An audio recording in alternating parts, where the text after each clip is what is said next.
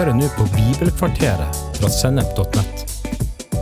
Bibelkvarteret er én kvarters påfyll i hverdagen fra Guds ord, både til inspirasjon og introduksjon til viktige tema i Bibelen. Du vil også finne mer stoff på Sennep.nett, som gir deg inspirasjon til å følge Jesus i hverdagen. Følg oss på Facebook og Instagram, og abonner på våre podkaster i Spotify, iTunes, Google Podkast, YouTube eller i den podkastappen som du bruker.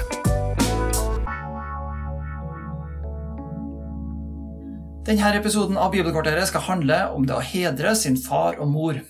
Gjelder det budet uansett for alle kristne? Hva så med de familiene hvor barna har hatt en dårlig oppvekst prega av mangel på omsorg og kjærlighet?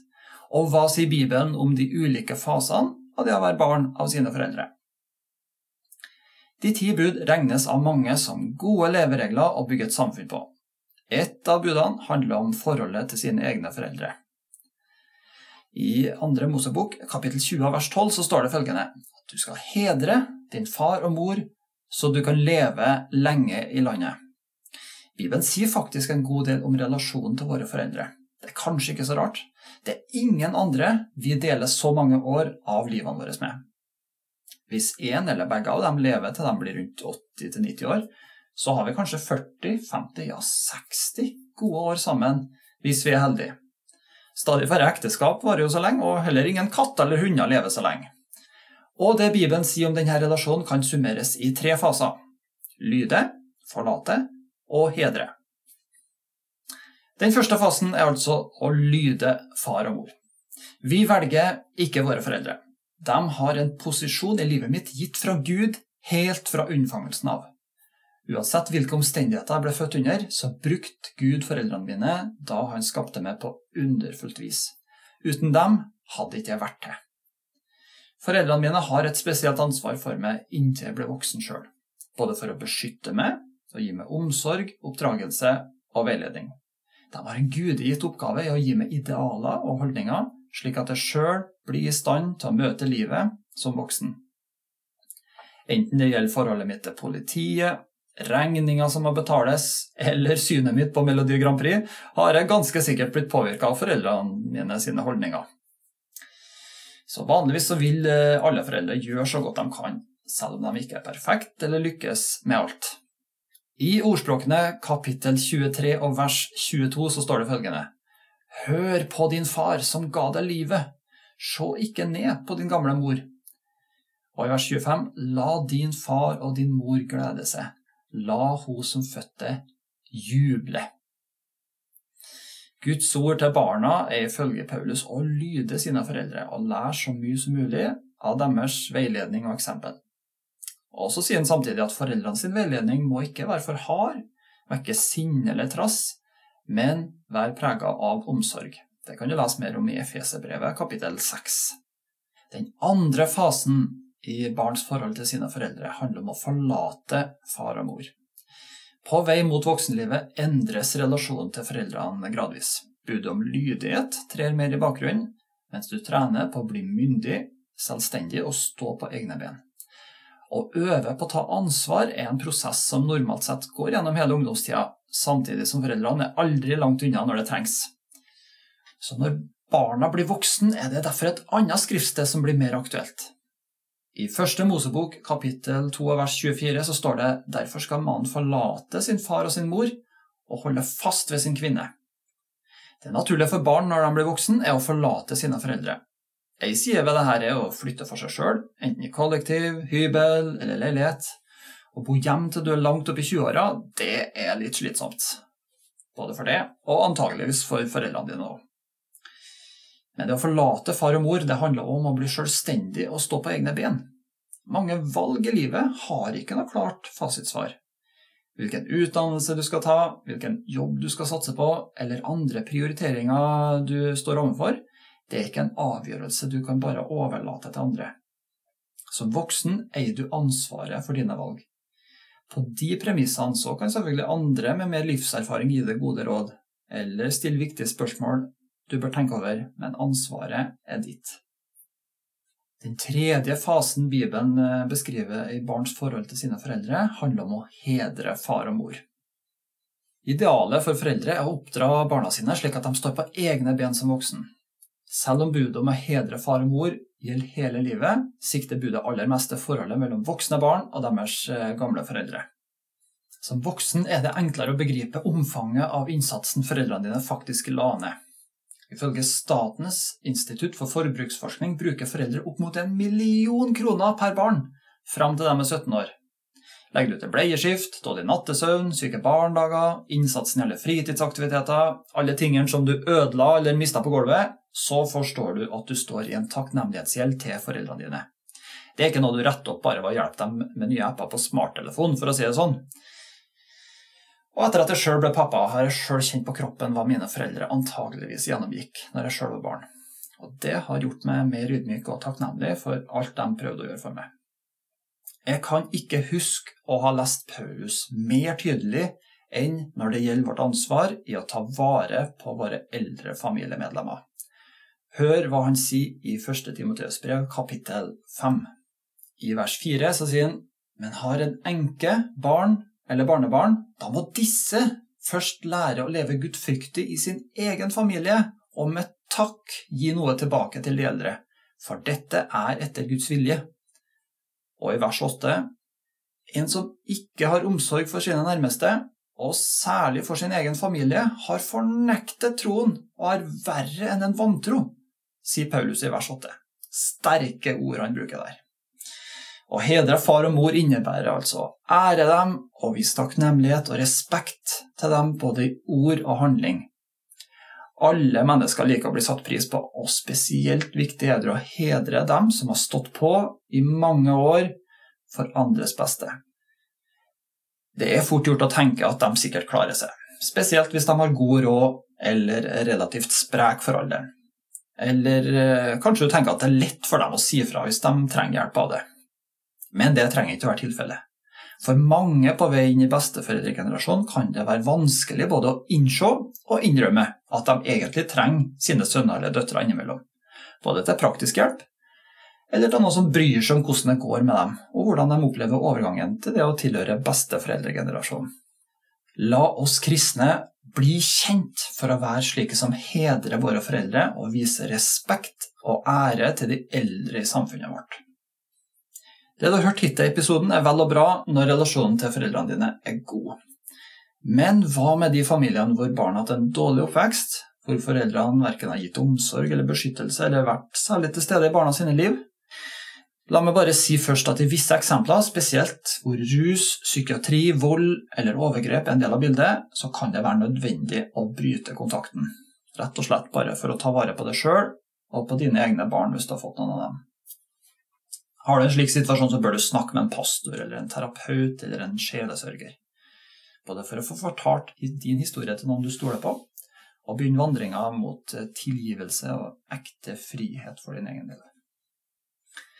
I andre tilfeller kan jo relasjonen til foreldrene ha blitt så konfliktfylt og betent av andre årsaker at du helst eh, skygger banen.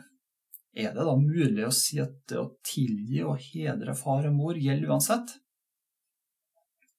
La meg bare si litt om det med tilgivelse først. Mange misforstår dette med tilgivelse og tror at uh, man må gjøre seg fortjent til å bli tilgitt. Eller at du venter på at foreldrene dine kanskje skal innse at de burde be deg om tilgivelse. Kanskje har du prøvd å ta det opp eller antyde det eller hinte om det flere ganger uten å få den responsen som du ønsker. Å vente på det her er dessverre et blindspor, og det fører ofte til skuffelser. Jesus han ber oss om å tilgi uten at vi går oss helt fast i hva foreldre ikke innser, eller hva de fortjener. Hør hva Jesus sier i Markusevangeliet kapittel 11 vers 25.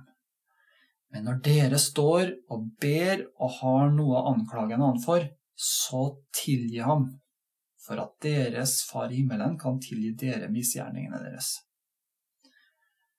En annen misforståelse er at det å tilgi vil si at det som skjedde, egentlig ikke var så farlig likevel. Det betyr det absolutt ikke.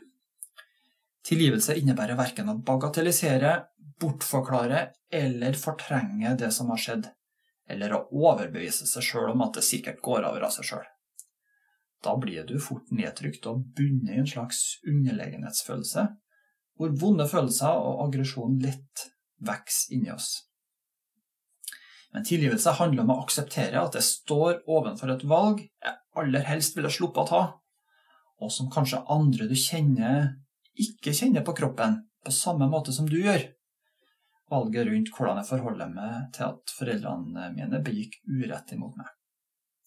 Når Bibelen snakker om tilgivelse, handler det først og fremst om å ta et valg om å gi opp retten til hevn for sin egen del. Det handler om å overlate saken til Gud og la Han få vurdere hva han vil gjøre med det.